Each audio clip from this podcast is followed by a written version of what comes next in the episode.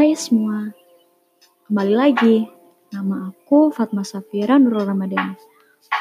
Podcast ini adalah bagian keenam dari buku aset skripsi. Untuk kalian terkhusus para mahasiswa tua yang lagi pusing menyusun skripsi, let's get started.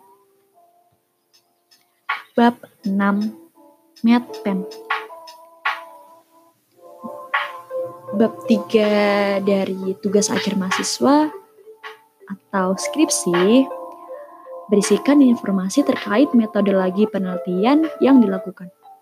Bab ini sangat penting karena terkait dengan validitas sebuah penelitian yang dilakukan.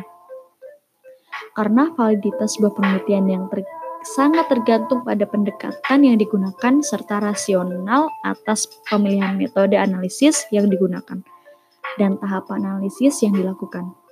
Dalam bagian ini harus dijelaskan metode dan tahapan analisis yang digunakan untuk menjawab perumusan masalah, serta bagaimana interpretasi atas hasil statistik dapat dijelaskan berdasarkan parameter-parameter yang ada.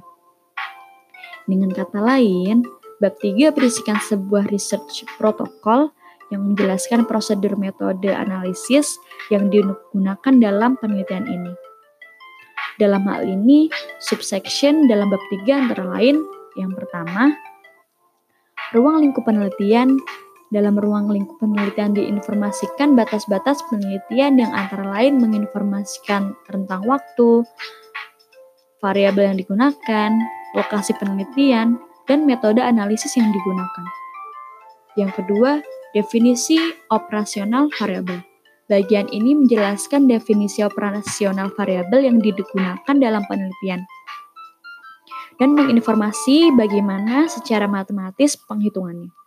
Yang ketiga, metode pengumpulan data. Bagian ini menginformasikan sumber data yang digunakan yang secara umum adalah data sekunder didapatkan secara online.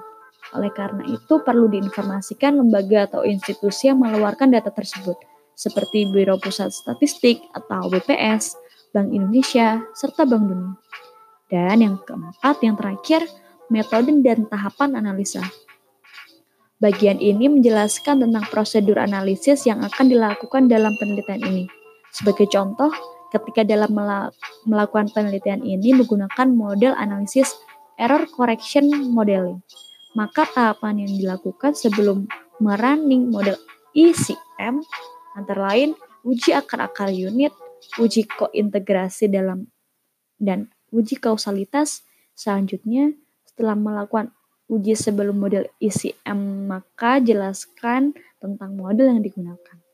Dan selanjutnya, uji diagnosis atau uji asumsi klasik jika menggunakan model regresi berganda. Ada baiknya jika prosedur analisis digambarkan ke dalam flowchart untuk mempermudah reader memahami metode dan prosedur analisis yang digunakan. Sekian podcast terkait bab 6 buku aset skripsi untuk kelanjutan podcastnya. See you, bye.